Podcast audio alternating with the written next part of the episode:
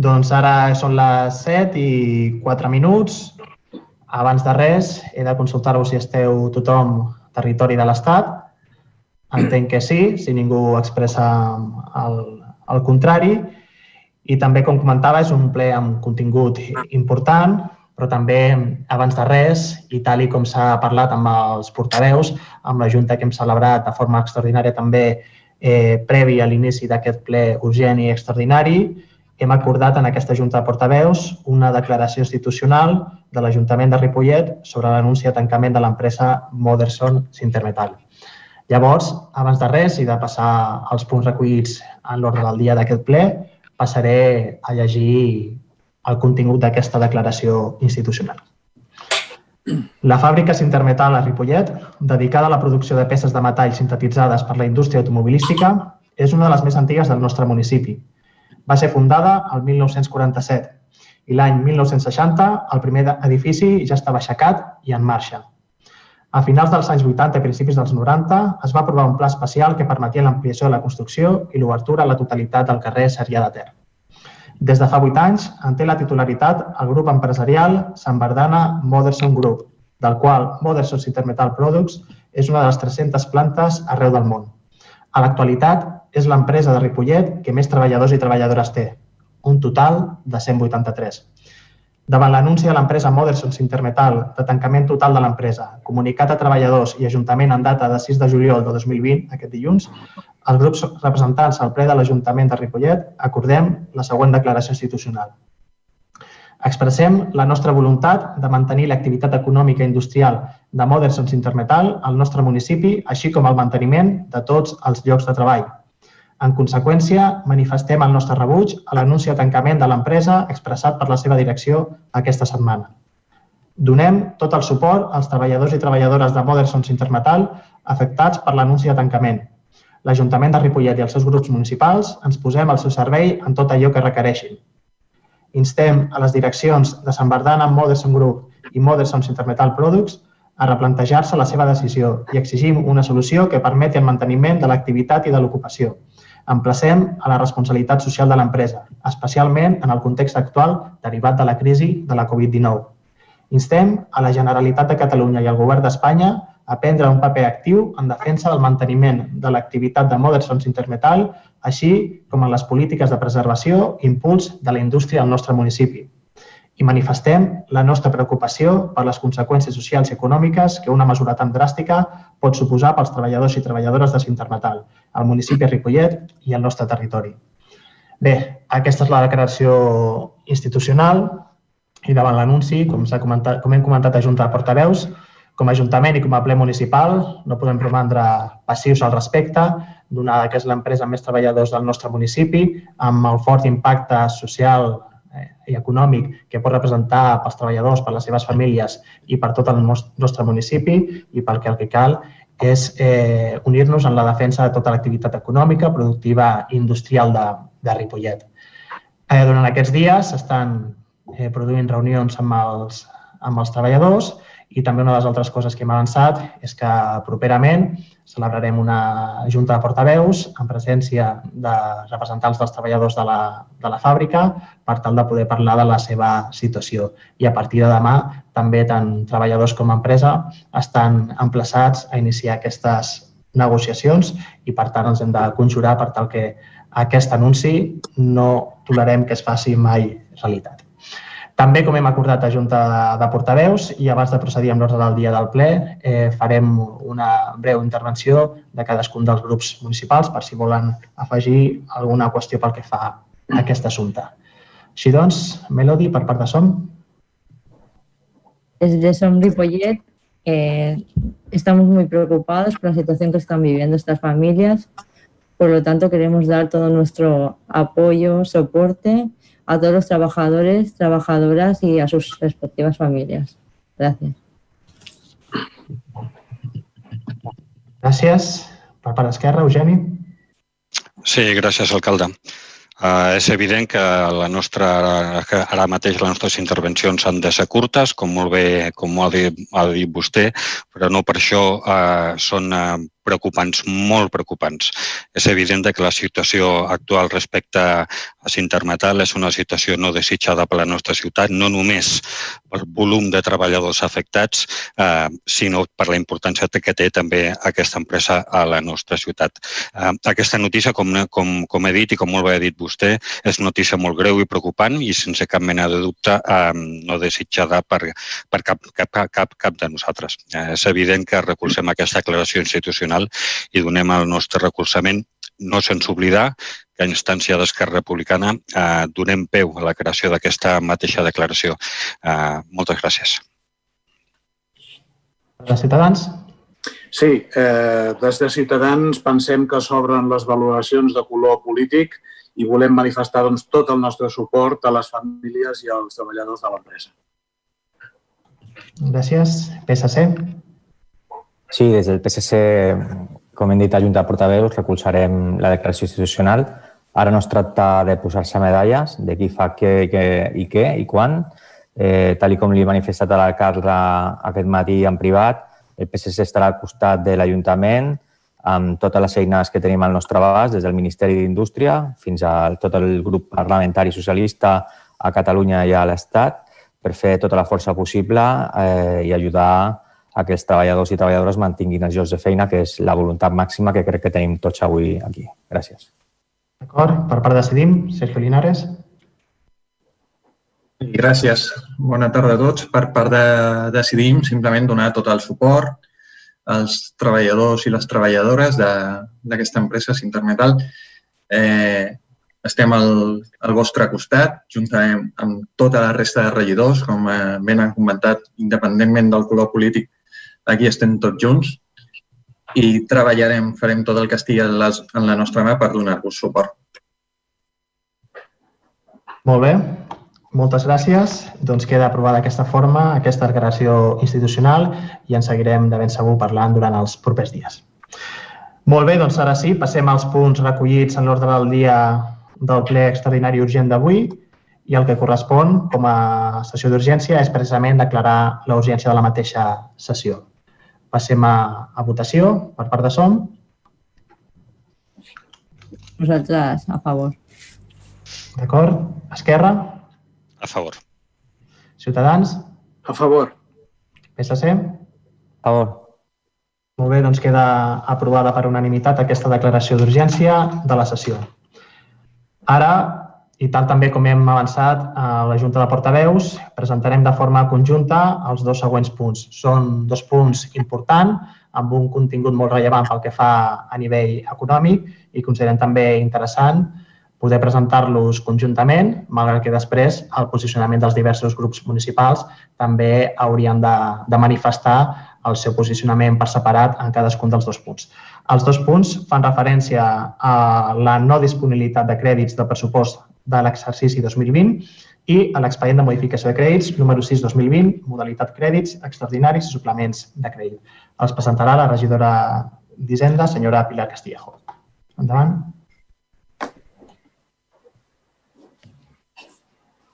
Sí, bona tarda a tots i a totes. Um, bueno, amb, aquest, amb aquests punts que, que ara explicarem una mica, el que reflecteixen també és que aquesta situació econòmica mm, que, que, ha vingut una mica eh, expressada amb aquesta declaració institucional no, de dificultats econòmiques que estem passant és una situació general i que ens afecta a empreses, a persones i també a les administracions públiques. No? Amb aquest primer punt el que volíem explicar és la situació econòmica actual de l'Ajuntament i quina, com hem d'actuar en conseqüència d'aquesta situació actual eh, pel que fa a la minoració d'ingressos. Com sabeu, eh, pel que fa a, als efectes de la Covid amb els ingressos municipals, eh, hi ha diverses fonts d'ingressos, per cada una hem actuat de manera diferent, per el que fa a, eh, els impostos, que, els padrons d'impostos que paguen els nostres veïns i veïnes. Hem fet aquelles actuacions que han permès doncs, facilitar el compliment de les obligacions de les persones amb les modificacions dels padrons corresponents a l'IBI i a vehicles, que són els que havien coincidit justament amb la pandèmia. Doncs hem modificat diverses vegades els padrons municipals per facilitar aquest, el compliment de les obligacions tributàries dels nostres veïns i veïnes, uh, però també han afectat els ingressos a altres situacions, perquè aquesta ho hem endarrerit amb el temps, però altres situacions com, per exemple, el tancament de molts serveis no? que estàvem donant eh, des de l'Ajuntament, del mercat setmanal, una part del mercat municipal, les escoles bressols, equipaments esportius i culturals, eh, el casal d'avis, Casa Natura, tot, tots aquests teníem ingressos de dret públic i són ingressos que com a Ajuntament hem deixat de tenir i també pels acords que vam prendre amb aquest ple de, el ple de maig, en el que es van, eh, en el que vam acordar tota, totes les forces plegades, perquè va ser un acord unànim de eh, d'afectar les ordenances fiscals, no? el preu d'abonament del poliesportiu de les terrasses de bars. Tot això té conseqüències econòmiques amb, amb, amb l'Ajuntament pel que fa a la minoració d'ingressos. La dels impostos doncs, encara eh, estem per acabar d'avaluar, encara estem en període voluntària de l'IBI, per exemple, però sí que veiem una disminució, no? una minoració amb el percentatge que teníem de cobrament. Si el 2019, amb el primer fraccionament de l'IBI, cobràvem un 26%, aquest any hem cobrat un 21%, i de vehicles, si amb aquestes dates havíem cobrat un 78, eh, estem amb un 75%. Per tant, és evident eh, que hi ha una, una reducció amb el percentatge de, de cobrament dels impostos. El Covid pot ser, un, evidentment, un, un efecte que, que ha provocat això i també, i encara no podem avaluar-lo, però sabem que hi ha altres impostos que són sensibles a la situació econòmica, no? ho, ho són per la seva naturalesa i segurament que quan finalitzem l'any es veuran afectats, no? com són l'ICIO, l'IAE o l'impost de plusvàlues. Segurament que a final d'any aquesta situació encara es veurà disminuïda no? pel que fa al cobrament d'aquests impostos. Pel que dèiem eh, dels ingressos de dret públic, no? són ingressos, com us deia, eh? d'entrades del teatre, mercat municipal, tallers de cultura, el viver de Casa Natura, eh, tot això eh, ens comporta una disminució d'ingressos de 400.000 408.000 euros i, a més a més, l'afectació més gran és la que ens ve provocar per la modificació de les ordenances fiscals. No? D'una banda, la decisió que es va prendre per no cobrar les terrasses a, amb els bars, una afectació amb una implicació calculada amb un impacte de 100.000 euros aproximadament, 99.000, i la més important de totes és la que afecta al poliesportiu. No? Aquí, en aquest moment, eh, sí que de forma evident no es cobrava la taxa mentre l'equipament estava tancat. Des del 14 de març fins al 31 de juliol no es cobra eh, aquest equipament, tot i que és cert que ja es comença a fer ús, i a partir de l'1 d'agost i fins a finals d'any es bonifica amb un 30% els serveis dels usuaris. Aquest, aquesta modificació de l'ordenança fiscal dels serveis esportius té un impacte econòmic amb els ingressos de l'Ajuntament de molt a prop del milió d'euros, de 943.000 euros. La suma de tot això, que no, entre eh, el que, el, les dades que podem comprovar, perquè n'hi ha algunes que encara, com us deia, podem veure una tendència a la baixa però encara no sabem, les que sí són avaluables per, per, no, per serveis que han estat tancats i per eh, aquesta decisió d'intentar afavorir tot el sector de l'hostaleria i per donar aquest servei esportiu doncs, a un preu més baix, eh, concorde amb el servei també que es fa més petit, això té una afectació econòmica a l'Ajuntament d'1.450.000 euros. 1.450.000 euros de menys ingressos que té aquest Ajuntament.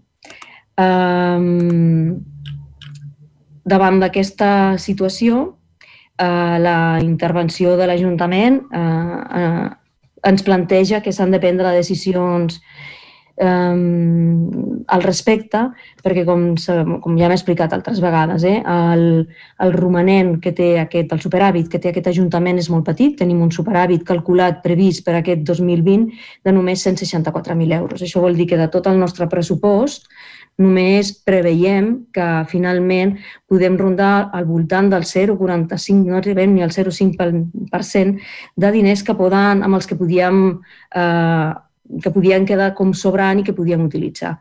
Si tenim un milió i mig menys d'ingressos i només una previsió de, de superàvit de 164.000 euros, és evident que alguna actuació hem de fer per no acabar aquest any trencant aquestes regles d'equilibri pressupostari que ens venen imposades des de l'Estat no? I, que, i que ens fan doncs, eh, haver d'actuar en conseqüència. De quina manera? Doncs si tenim menys ingressos hem de tenir menys despesa. Val? Eh, es fa una primera actuació per tenir menys despesa, en la que mm, una actuació sobre al voltant d'un milió d'euros. Retenim la despesa en un milió d'euros. Una retenció de crèdit el que vol dir és, de moment, aquests diners no es poden gastar. Està prohibit gastar els diners encara que estiguin a partides pressupostàries. És una decisió que no queda més remei que prendre en, la, en aquest moment. No? Baixen ingressos, doncs per força, per les lleis aquestes d'equilibri pressupostari, ens obliguen a baixar també la despesa. El que sí que hem pogut fer és eh, decidir on gastem aquesta despesa i on, de quina manera ho fem. El petit marge de joc que tenim com a Ajuntament, perquè mm, no, no podem disminuir la despesa amb, amb, el, amb les despeses de personal. Els treballadors de l'Ajuntament hem de pagar les seves nòmines cada mes i amb això no podem deixar de pagar-les i els diners que hi tenim destinats són exactament el que costen les nòmines. Per tant, no podem gastar contra, no podem eh, fer aquesta minoració de la despesa de, de les despeses de personal. No podem fer tampoc, com a decisió, com a Ajuntament, vam decidir eh, no tocar tota la despesa que anava que donàvem ajudes i subvencions. Pensem que és un moment que és difícil per tothom, també per les entitats, i per tant és important que puguem mantenir les subvencions que els donàvem i els ajuts, i per tant no toquem les partides de subvencions i si hem de fer una, hem de disminuir la despesa, no ho farem amb subvencions, buscarem on fer-ho. Um, hi ha molta part de la despesa ordinària que està compromesa, que vol dir que ja uh, estem obligats a fer-la. Tots els contractes que ja tenim doncs, amb serveis, els, els serveis que tenim contractats doncs, tenen un preu i això tampoc no es pot tocar. I també des d'aquest equip de govern es decideix que aquesta, aquesta no despesa que hem de fer no la podem fer de tot l'àmbit de drets no? de tot aquest món de, de serveis socials, d'educació, perquè eh, aquest món mm, segurament és el que on més necessitarem fer un impuls amb la despesa durant aquest temps. Per tant, eh, fem el compromís de no minorar la despesa amb el món de, de drets. Quines decisions es prenen llavors? Doncs d'una banda, eh, aturar la licitació de nous projectes d'obres i inversions, no invertirem més d'allò que ja estava compromès en aquest moment. Si ara ja teníem eh, obres licitades i contractades, doncs són les que veureu durant els propers mesos, però no, no es licitaran de noves, per tant, s'atura nova despesa amb obres i amb inversions i de tota la part que ens quedava del capítol de despesa ordinària, busquem de quina manera podem minorar aquests milió d'euros que hem de deixar de gastar per força. En partides que, com us dic, aquest Ajuntament gastava fins a l'últim euro, perquè Eh, el pressupost d'aquest Ajuntament és molt just, és, una, és un pressupost petit per una ciutat eh, com la nostra amb el nombre d'habitants que tenim. Les partides que puguem tocar bàsicament són partides moltes de manteniment, manteniments d'equipaments, de vies públiques, d'ors, de clavegueram, d'escoles, de mercats. Això vol dir que eh, a partir del setembre veurem que eh, aquesta afectació s'ha de veure per força. Si no tenim diners per gastar en manteniments, doncs potser hi ha manteniments que, que, no? que, que, que els equipaments veurem, això s'ha de notar, perquè són inversions que fins ara gastàvem cada, cada any i ara es notarà, però eh, si no tenim aquests diners doncs no els podem gastar. També eh, busquem quines coses podem deixar eh, de fer aquest any i bueno, doncs, eh, decidim executar-les l'any vinent. Aquesta parada jo crec que és és, és, no és lamentable que econòmicament l'Ajuntament hagi de fer una aturada perquè que un Ajuntament contracti, per exemple, un pla d'inspecció vol dir que algú eh, pot gaudir d'aquesta feina per fer el pla d'inspecció, que els ajuntaments ens veiem amb aquesta situació econòmica vol dir una parada econòmica també per tot el municipi, però bueno, és la situació que ens està afectant a tots i, com us deia, ja ho veiem al punt anterior. Doncs hi ha coses que deixarem de fer aquest 2020 intentarem poder-les planificar el 21 eh, com plans de clavegueram, plans d'inspeccions, com us deia, alguns plans de mobilitat i altres despeses que també, de moment, no executarem, com temes de senyalització vial o de modernització administrativa.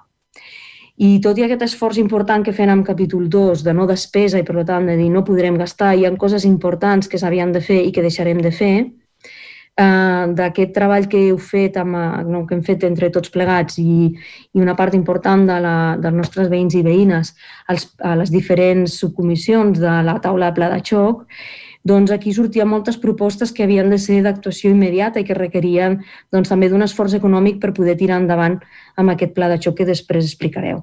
Llavors, tot i aquesta retenció d'un milió de crèdits, que vol dir minorem eh, la despesa amb un milió d'euros, eh, hem buscat de quina manera podien dedicar també diners a, a, al pla de xoc, que seria el segon punt de votació, no? la modificació de crèdit.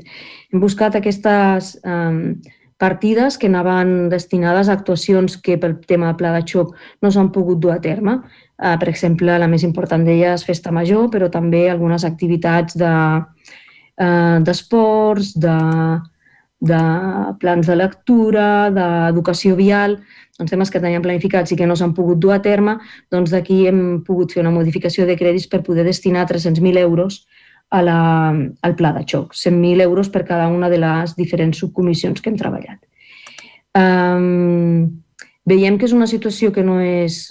La de la modificació de crèdit és, eh, és escasa. Veiem que ens hagués agradat poder destinar més diners amb aquestes actuacions que, que hem, hem estat treballant en les diferents subcomissions. La situació econòmica de l'Ajuntament en aquest moment no permet destinar més diners. Ja veieu com estem bloquejant absolutament mm, totes les partides de capítol 2 que no estaven ja compromeses. I, i el que fem amb aquesta retenció també és, eh, esperem al setembre, aviam com evoluciona la situació econòmica.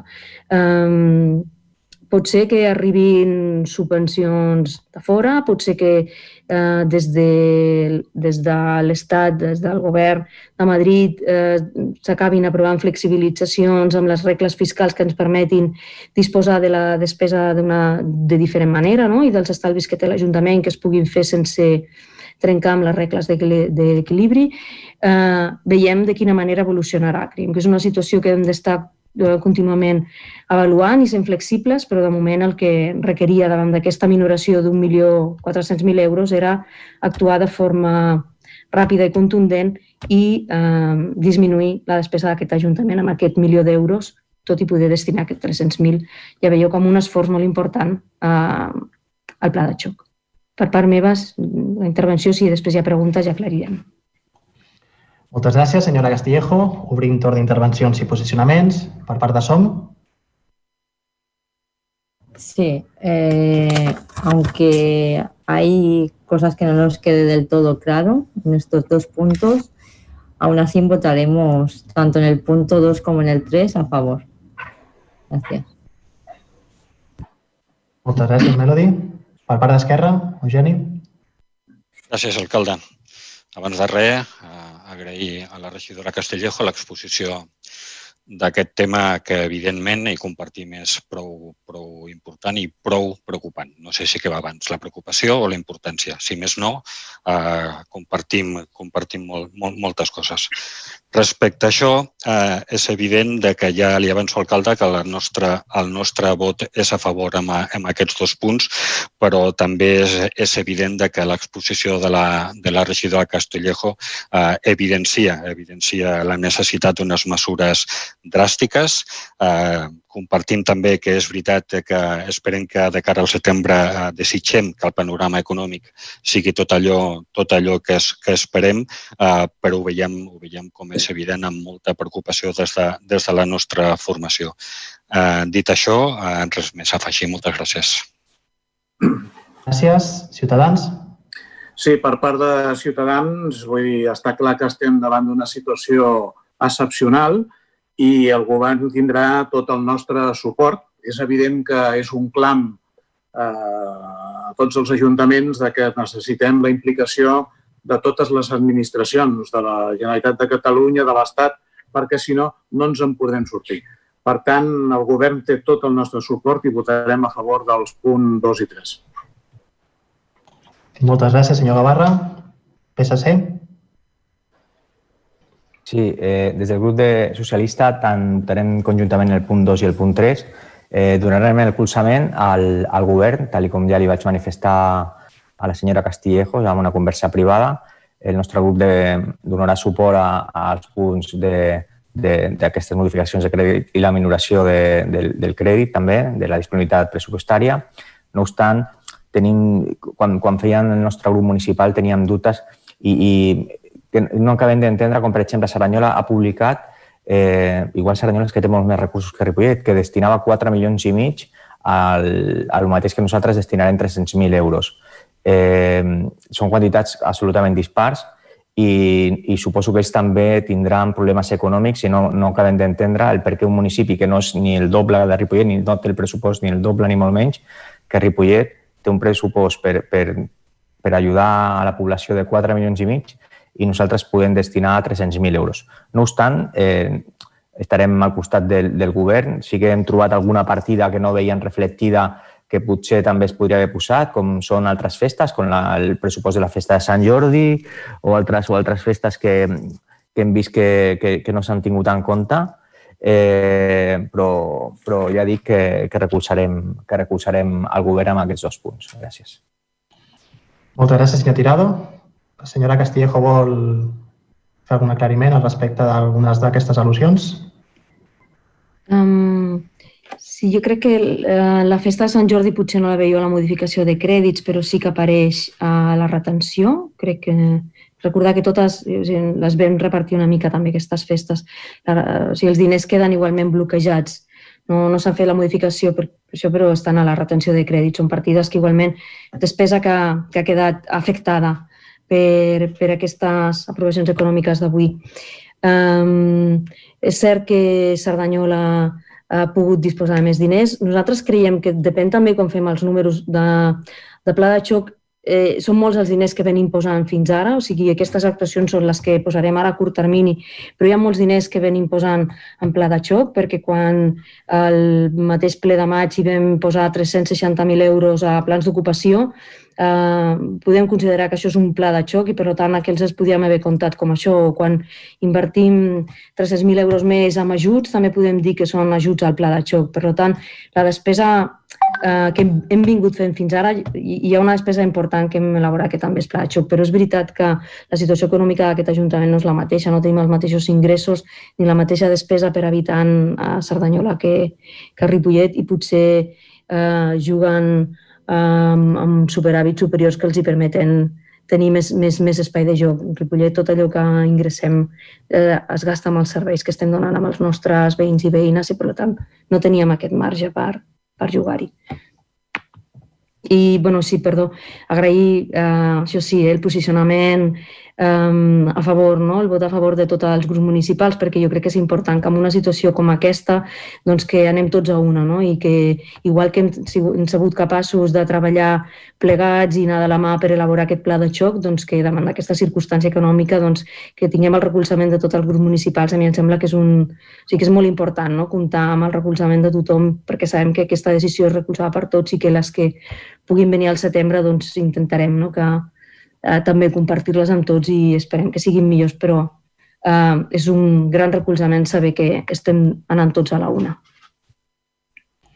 Molt bé, efectivament, per, per reiterar segurament les dues idees que ha dit la senyora Castillejo, pel que fa a la qüestió comparativament amb Cerdanyola, sempre es fa de mal comparar dos, dos ajuntaments o dos municipis, en aquest cas eh, veïns, però està clar, el que ara es destina en aquest pla de xoc, aquests 300.000 euros, és només una part de tota la conjunt d'actuacions que s'han portat abans i que esperem que vagin creixent per, per fer front a la crisi derivada de la, de la Covid. Per tant, tota la despesa destinada per l'Ajuntament és eh, moltíssim més que aquests 300.000 euros.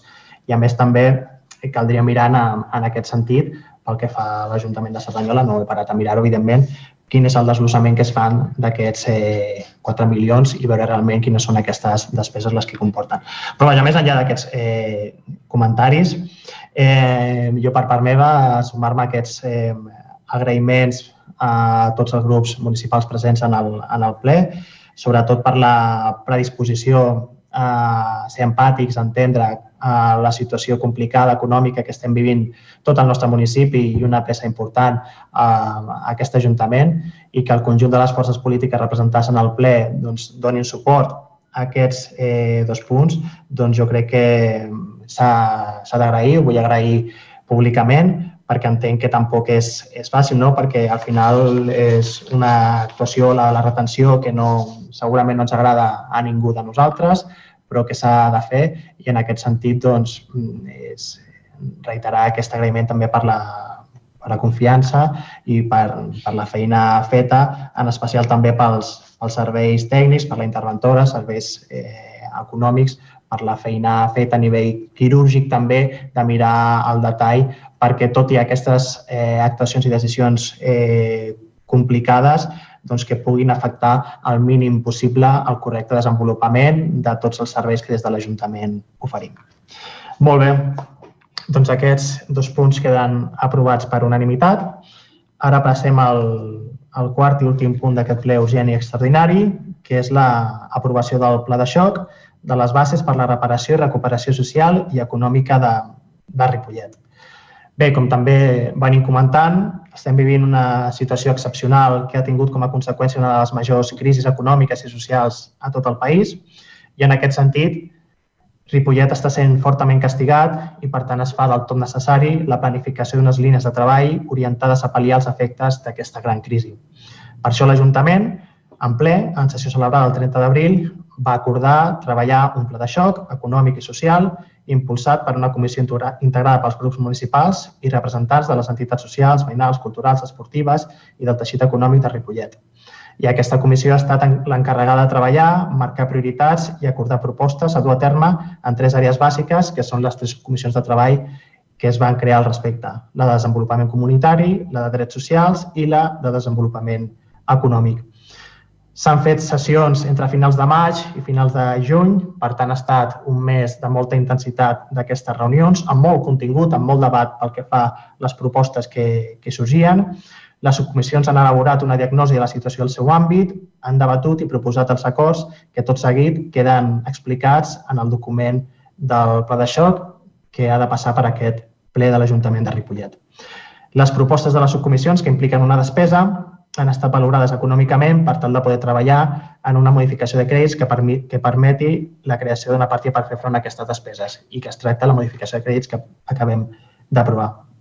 Per altra banda, també el document inclou propostes sobre qüestions no incloses als altres subcomissions, com a mobilitat, transport, seguretat ciutadana, comunicació i la creació d'un espai de memòria.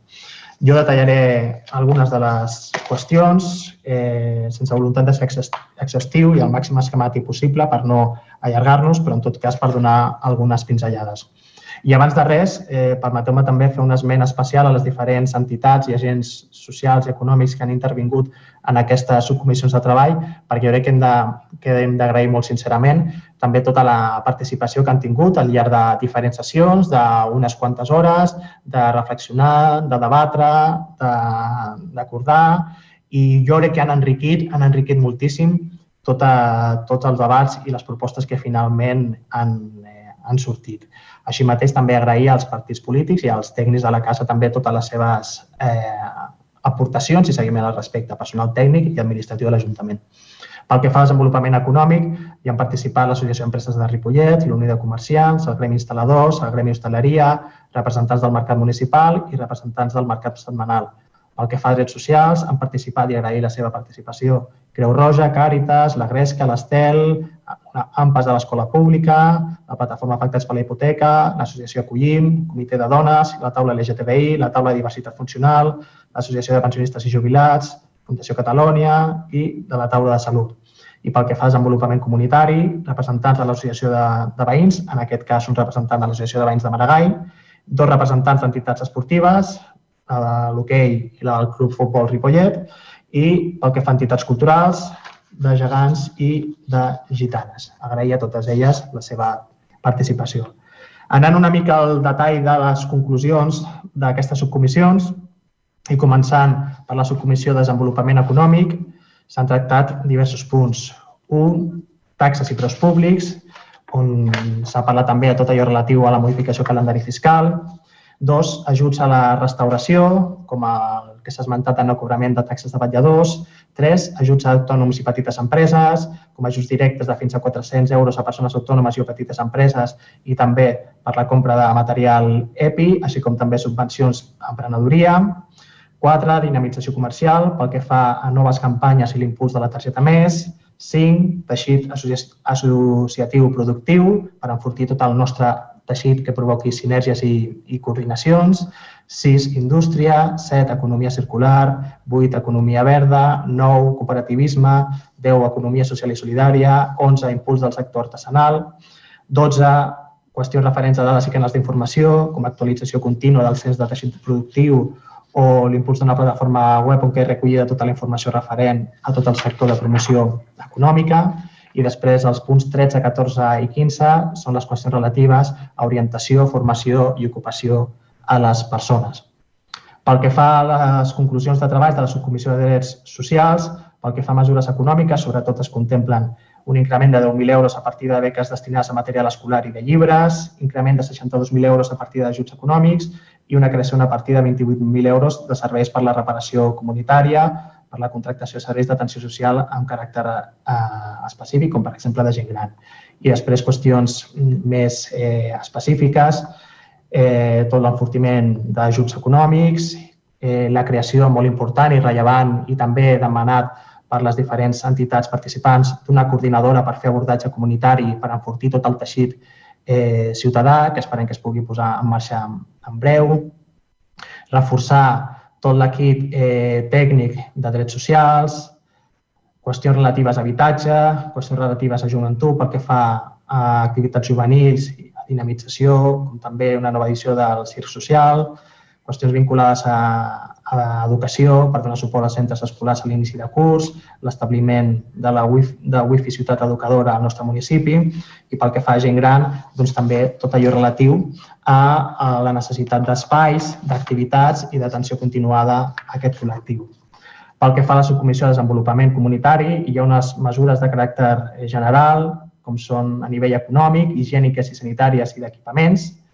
Eh, I sobretot aquí la voluntat eh, ha estat i haurà de continuar sent, perquè només s'han pogut fer uns passos en, aquestes, en aquest pla de xoc, tot allò relatiu a la, al present i futur de les entitats culturals, esportives, etc per la seva sostenibilitat i futur.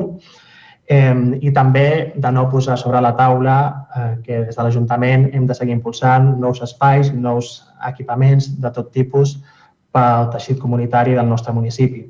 I com a propostes i accions més concretes, també hi ha eh, qüestions específiques també vinculades a aquesta, a aquesta generació o d'espais per, per a les entitats, tot allò vinculat a qüestions específiques també d'aquest reforç, impuls de, la, de les entitats, que reflecteix, per exemple, en un reforç de 20.000 euros més pel que fa a subvencions a les entitats esportives, qüestions vinculades a la formació i a l'assessorament de les entitats, també a la difusió i una d'aquestes qüestions doncs, és la difusió online de les activitats esportives, que té un import destinat de 9.000 euros, així com, de forma molt important i com també s'ha comentat, mesures de prevenció i higiene.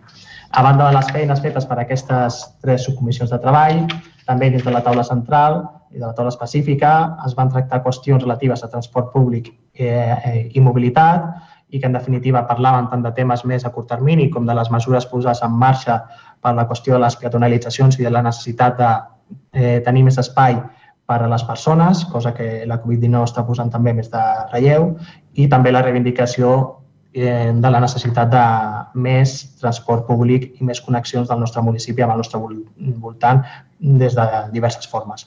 També es va tractar la qüestió de la seguretat eh, ciutadana, per una banda, vinculada a la qüestió de la convivència, la ciutadania amb, els diversos, amb les diverses eines de, de transport i de mobilitat eh, personal. També la necessitat de vincular també això, la necessitat de controlar els límits de velocitat al nostre terme municipal per facilitar aquest, eh, aquestes peatonalitzacions i ús de les persones del carrer. I, per últim, també tot allò vinculat al control dels accessos i voltants de les escoles per protegir-los. Eh, I dues darreres qüestions, però no menys importants. Una d'elles, la qüestió de la memòria, que és eh, allò que vam tractar vinculat a la necessitat de generar al nostre municipi un espai de memòria, homenatge i reconeixement, tant a la, la memòria tant a les persones que ens han deixat directe o indirectament en la situació de, per la pandèmia de la Covid-19, però també, per altra banda, de reconeixement per tota la feina i implicació de molts professionals, de molts treballadors i treballadores de, de tot tipus que s'han implicat d'allò més eh, en aquesta greu situació. I, per tant, la proposta que es recull en aquest pla de xoc és la instal·lació d'un memorial a la zona verda del CAP Pinatons amb, amb un mosaic i també l'organització d'un acte públic d'homenatge a aquests col·lectius de persones que hem esmentat.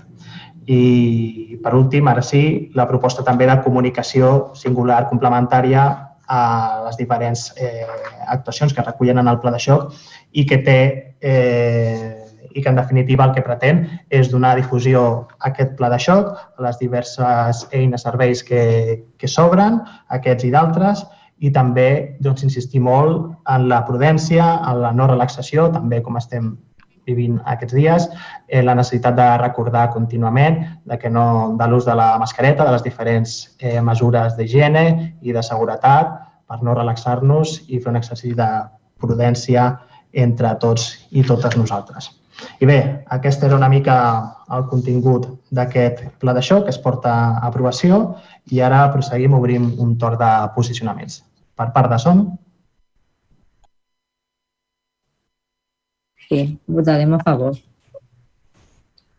Gràcies. Esquerra. Sí, gràcies, alcalde.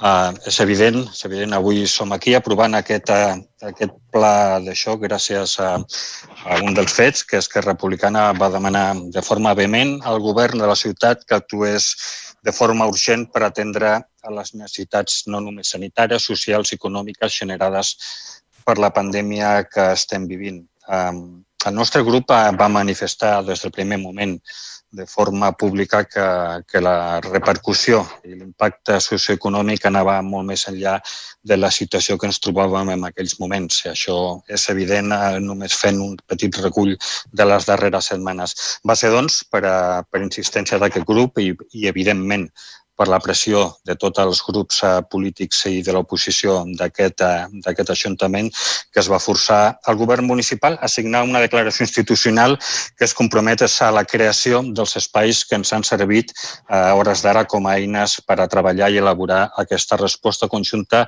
eh, que com a ciutat avui donem.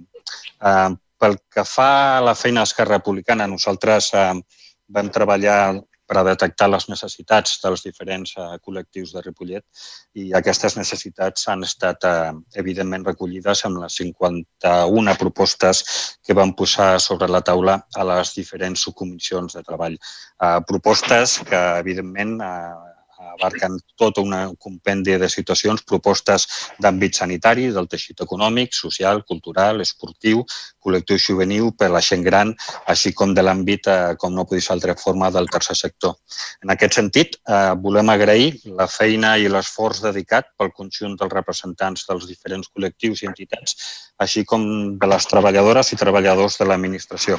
Aquesta resposta com a ciutat ha estat possible gràcies a totes elles i a tots ells, sumant i aprofitant el talent del qual disposa Ripollet i posant-lo, com no podria ser de cap altra forma, a disposició del bé comú i de l'interès eh, públic. El volum de tota la gent que ha participat, així com la heterogeneïtat i transversalitat dels agents eh, participants, eh, evidencia que ens trobem en una situació límit i que aquesta resposta no era pas una opció, que ens poguessin plantejar els partits polítics, tots plegats, sinó que era una obligació. Eh, per tot això esmentat, valorem molt positivament el procés seguit i els resultats sostinguts tot i això, manifestant la necessitat d'un ajust pressupostari, eh, com podríem dir també d'un factor de correcció que faci més eficient les partides assignades. Som conscients que els escenaris actuals són diferents d'aquells que ens trobàvem eh, no fa gaire temps. Eh, malauradament, la situació pot empitjorar i cal adaptar-nos a, a la realitat, a, les, a la situació eh, de cada moment. Eh, per a fer d'una millor gestió de les, de les polítiques i mesures que avui ens comprometem a aplicar. Uh, certament, senyor alcalde, trobem uh, manca en certa concreció i ambigüetats en alguns aspectes del, del document que avui es vota per aquesta raó, així com per responsabilitat política amb la gent de Ripollet. La nostra obligació és la de fiscalitzar la feina d'aquest govern. Uh, estarem en tot moment per a pel compliment real de les mesures recollides en aquest pla de xoc i, si més no, l'experiència ens diu que aquest govern de Decidim serà si em permet l'expressió, se l'ha de collar massa sovint perquè acceleri el ritme. Eh, pel bé de Ripollet, des d'Esquerra Republicana collarem eh, quan calgui, de la mateixa manera que vam collar per aconseguir aquesta taula de xoc i les respectives eh, comissions que avui ens permeten aprovar eh, aquest pla. D'aquesta manera, avancem que el grup eh, municipal d'Esquerra Republicana de Ripollet preguntarà i demanarà al govern de la ciutat informes i respostes eh, per escrit sobre el seguiment de les diferents mesures recollides en aquest mateix pla de xoc. Exigirem transparència, compromís per a la materialització de la feina eh, de tota aquesta gent, de moltíssima gent que ha posat sobre la taula les necessitats de Ripollet. Eh, tot processant solucions que per a superar com la ciutat de crisi generada per la pandèmia del coronavirus. És a tota aquesta gent a la qual avui donem el vistiplau votant eh, i ja li avanço favorablement aquest pla de xoc, malgrat les reticències inicials de, del govern de, de Girim. Uh, no vull oblidar, amb això acabo, senyor alcalde, que és evident que ens sumem als agraïments manifestats per, per vostè uh, i, evident, i evidentment uh, també ens sumem a la crida de mantenir uh, tots els mitjans de seguretat possibles per poder evitar amb lo possible la difusió del coronavirus. I ja acabant, ja acabant, eh, i crec que, i això és un comentari personal que faig ara mateix, crec que és de justícia que jo vull doni les gràcies a la formació que represento, com també a la secció local d'Esquerra Republicana de Ripollet per la feina feta sense oblidar com no podia ser pagar altra forma, a les persones assignades a cadascuna d'aquestes subcomissions i pel temps, evidentment, pel temps de dedicació. Moltíssimes gràcies. Gràcies, senyor Montanui. Ciutadans? Sí, des de Ciutadans no vindrem a discutir qui ha estat el primer o gràcies a qui. Senzillament volem dir que la feina feta és una feina que emana de la societat civil, ha estat una feina magnífica i que nosaltres li donem plenament suport. Gràcies, senyor Gavarra. PSC? Sí, bona tarda novament. El, el, ja avanço que nosaltres votarem a favor eh, del pla de xoc eh, contra el Covid i de suport a, al municipi per la reconstrucció que caldrà fer, com ja s'ha vist amb els dos punts anteriors que hem aprovat. Eh, patirem una situació complicada. Eh, tothom ho sap, hi haurà molta gent que ho passarà molt malament, tothom ho sap. Jo crec que s'ha fet una gran feina, tothom ho sap. Tothom sap també que aquesta comissió s'ha creat no per un partit polític, sinó per la voluntat de tots els grups polítics al, al ple de l'abril, que hi havia tres mocions diferents i entre tots els grups van decidir crear aquest grup de treball i aquestes comissions per tirar endavant un pla de xoc per ajudar a la gent de, de Ripollet, que és del que es tracta. Volem manifestar també el nostre agraïment a totes les entitats, les entitats culturals, esportives, socials, eh, empresarials, comercials, a tothom que ha participat hem pogut estar molts de nosaltres del grup socialista, regidors, representants a les comissions i hem vist la gran feina que, que tothom ha fet, aportacions constructives, aportacions crítiques, hi ha hagut debat de fons.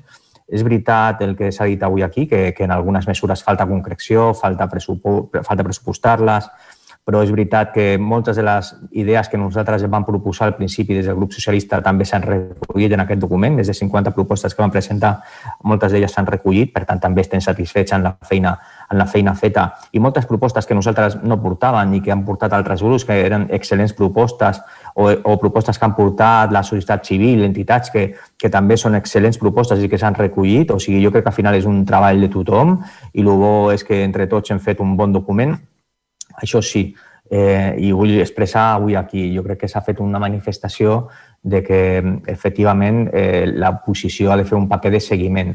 Des del PSC ja, ja ho dic públicament, no, no és que preguntarem eh, ni estarem a sobre, jo crec que no es tracta d'això, jo crec que, que, és, que l'Ajuntament, i ho deixo aquí sobre la taula, i si no, si no, si no en diuen el contrari, presentarem una moció, ja avanço, al proper ple ordinari, pensem que s'ha de crear una comissió de seguiment d'aquest pla de xoc sigui, l'Ajuntament ha de crear una comissió de seguiment del pla de xoc, això és inevitable, s'ha de fer, perquè si no, no tindrà cap sentit eh, tot el que estem fent. O sigui, aquest és un treball de tots i és veritat que qui ho ha d'executar és el govern, perquè és qui està governant, però els partits de l'oposició hem de poder fer un seguiment de totes les mesures que s'han aprovat, que les hem aprovat entre tots, que les hem proposat entre tots, ho torno a recordar, i jo crec que entre tots les hem de seguir, perquè al final la voluntat d'aquest pla de xoc és que es compleixi, perquè l'única forma de que ajudem de veritat és que no es quedi en un paper, els papers ho aguanten tot, això tothom ho sap, però la realitat és que això s'ha de complir. O sigui, no, no, no val que tenir un paper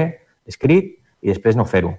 I, I aquí sí que estarem, eh, ajudarem en tot el que calgui, ja sempre ho hem dit, però creiem que realment necessitem una comissió de seguiment del pla de de l'Ajuntament de Ripollet i espero poder-ho comentar personalment amb la senyora Castillejos i el senyor alcalde en els propers dies i que no faci falta presentar cap moció abans del ple perquè jo crec que és necessari que, que això sigui així. I jo estic convençut que en la voluntat que s'ha fet aquest pla de treball, aquest pla de xoc, estic absolutament convençut que el, que el senyor alcalde i, la, i els regidors de govern no tindran cap, cap inconvenient en crear una comissió de seguiment que no, no és per res, només per comprovar que efectivament s'estan fent bé les coses i que s'estan fent totes les coses que s'han dit.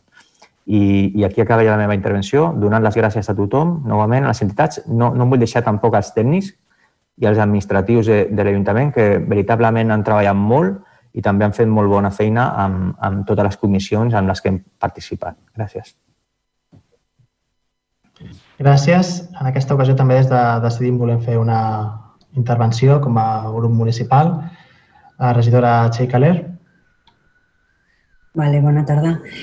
Uh, el 12 de març passat saltaven totes les alarmes i ràpid i corrents havíem de fer front a una pandèmia mundial que ha evidenciat les mancances del sistema heteropatriarcal capitalista.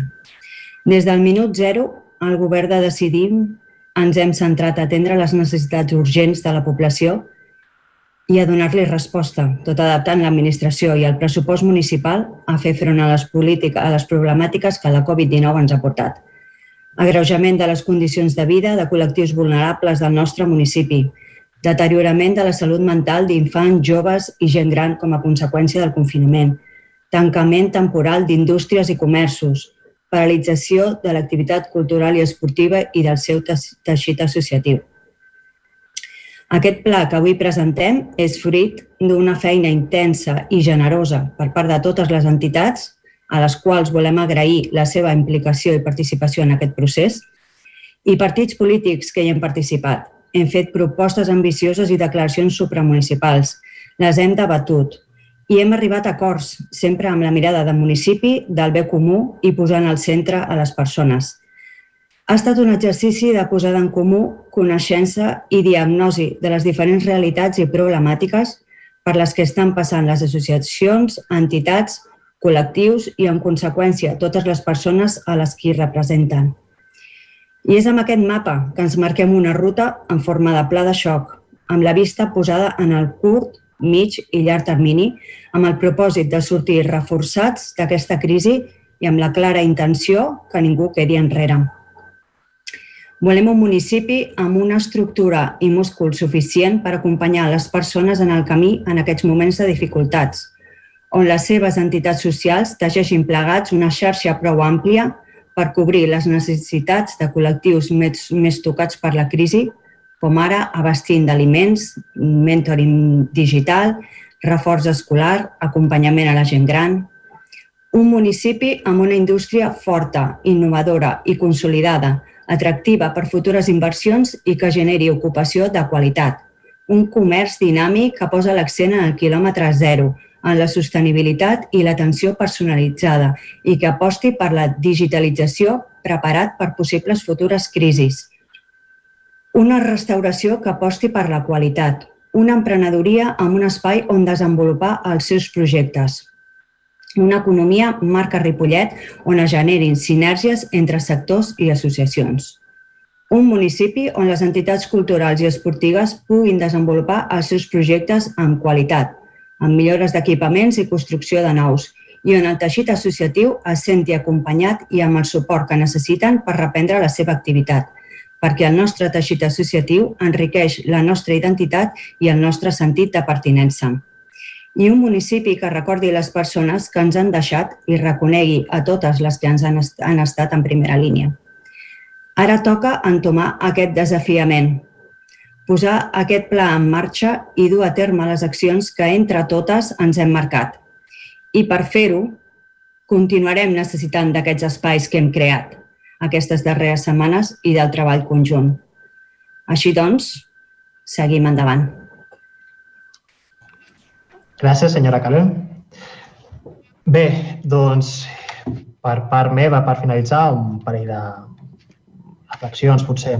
Jo crec que avui, amb aquesta aprovació per unanimitat del pla de xoc, el que fem és posar fi a una primera etapa de tot el que estem patint pel que fa a la pandèmia de la Covid-19 i que ara s'obre tota la resta pel que fa a la implementació, pel que fa al seguiment, pel que fa a l'avaluació i també sabent adaptar-nos a tot el que ha de venir.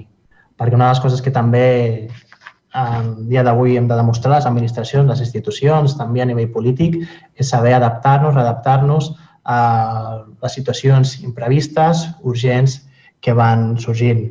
Per tant, avui amb aquesta aprovació fem aquest, jo crec, eh, punt i seguit i que immediatament ens hem de seguir posant a implementar tot allò i totes les altres qüestions no necessàriament recollides directament en, a, en aquest pla de xoc, però que aquest és el pla xoc que ens ha de guiar eh, d'ara en el futur. I sobretot també una cosa molt important eh, i, i perquè el que vull posar en valor són moltes de les reflexions que han sorgit en el si de la taula, en el si de les subcomissions de treball i que ha estat compartit unànimament pels representants polítics, pels representants tècnics i també de forma molt protagonista pels representants de les entitats, pels representants del teixit comunitari de la nostra ciutat. I és aquesta voluntat unànime i inequívoca de no deixar a ningú enrere, no deixar ningú enrere com a individus i com a col·lectius. I per això hi ha hagut moltes reflexions molt, molt enriquidores, molt interessants. Al final també han servit aquestes trobades per fer una reflexió, jo crec, eh, calmada, però en profunditat i plural, però molt productiva, en definitiva, de la situació de Ripollet, de la situació de la nostra ciutat, d'on venim, on estem i cap a on volem anar. I jo crec que a tothom ens ha servit per també situar-nos, eh, saber ben bé eh, reforçar uns convenciments, modificar-ne d'altres i que estableix, jo crec que estableix molt bé quins han de ser els eixos, els eixos prioritaris d'actuació municipal eh, d'ara en endavant parlat de persones, de col·lectius, en defensa dels serveis, dels serveis públics especialment, i també aquesta necessitat de reforçar tots els equipaments de la nostra ciutat. I, per tant, aquí el que es recull, com també sorgia algunes reflexions, són qüestions d'aquí i ara, però també ja sobren vies, sobren idees i, i aquests eixos estratègics del que han de ser totes les resta d'actuacions i de polítiques municipals que han de venir d'ara endavant. Per tant, aquest pla de xoc, i també com es contempla en el mateix, eh, un cop aprovat, se li ha de donar la publicitat corresponent, hem de comunicar a la població què és el que hem aprovat, la gent ha de conèixer tant el contingut com en el com en el com, com s'ha treballat aquest pla de xoc. Jo crec que avui com a ple municipal donem una imatge molt positiva, no només com a ple, sinó com a, com a ciutat i m'hi sumo als diferents comentaris que, que s'han fet i que diria que tots els grups han recollit aquesta necessitat de continuar amb la feina, de seguiment i d'avaluació d'aquest pla i d'enriquir-lo també en tot allò que calgui en les qüestions que ens pugui deparar al futur, a curt, mig i llarg termini. I és per això que també una, el que també ja es va posar de manifest en, en certes trobades, no sé si de forma eh, totalment contundent en totes les submissions, però que en tot cas la voluntat sí que és continuar amb les trobades d'aquestes subcomissions de la taula eh, d'ara en endavant perquè siguin també aquestes mateixes subcomissions i taules les que puguin vetllar pel seguiment i pel compliment d'aquest pla de xoc. Jo crec que aquí també hi, hi coincidim tots i, i totes i la voluntat que, que es plantejava era aquesta, que la, perquè de fet també moltes de les representants del teixit social, comunitari, social, eh, també apel·laven a aquesta necessitat de que la feina ara s'ha fet una important feina, aquesta primera etapa que esmentava, molt intensa, eh, en un mes, en poques setmanes, però que elles també demanen que això no quedi aquí, que no quedi en aquest paper que comentàvem, sinó que tingui la seva aplicació i que pugui fins i tot créixer, a més també posats en la vista en el que es comentava en alguna altra sessió, fins i tot anteriorment, en què eh, tenint en compte de si aquestes eh, certes regles i normes que limiten la nostra autonomia com a Ajuntament, si aquestes es flexibilitzen, si aquestes s'obren de forma justa, doncs segurament esperem poder aixecar, per una banda, les retencions que hem aprovat anteriorment, però també i que això vagi acompanyat per un enriquiment i per un fer créixer les accions i polítiques que es en aquest pla de xoc. Per tant, tant el senyor Tirado com a la resta de, de portaveus i de grups municipals eh, podem parlar i treballar per tal de fer una proposta que asseguri aquest seguiment, avaluació i enriquiment del, del pla de xoc, que és un pla de xoc per complir-lo, que correspon al govern la seva tasca, que a la resta de grups municipals de l'oposició en aquest sentit doncs, també li correspon la tasca de fiscalització, i de, eh, però que en definitiva també de la mateixa forma que, que aquest ha estat un pla de xoc també elaborat conjuntament, cooperativament col·lectivament també hauríem de, de, de procurar de que entre tots eh, mirar com fer possible aquesta execució del mateix pla de xoc. Molt bé, doncs si no hi ha cap més paraules i amb, i amb aquesta aprovació per unanimitat, insisteixo, en què hem d'estar satisfets tots i totes els 21 regidors i regidores d'aquest municipi per la imatge que donem com a ple i com a, com a ciutat, que he d'aprovar per unanimitat el, el, el pla de xoc i seguim amb la feina que tenim per endavant, que és molta i, i insistint també, retornant a l'inici d'aquest ple, eh, sorgeixen noves qüestions, com la qüestió intermetal i que ens demana estar molt, molt alerta i contínuament treballant per la nostra ciutat i per la nostra gent. Molt bé, doncs no hi ha cap més punt de l'ordre del dia d'aquest ple urgent i extraordinari i en tot cas ens emplacem d'aquí dues setmanes, dijous 23, a una nova sessió, en aquest cas del ple ordinari del mes de, de juliol. Així doncs, ho deixem aquí i moltes gràcies per la vostra assistència i participació. Fins aviat.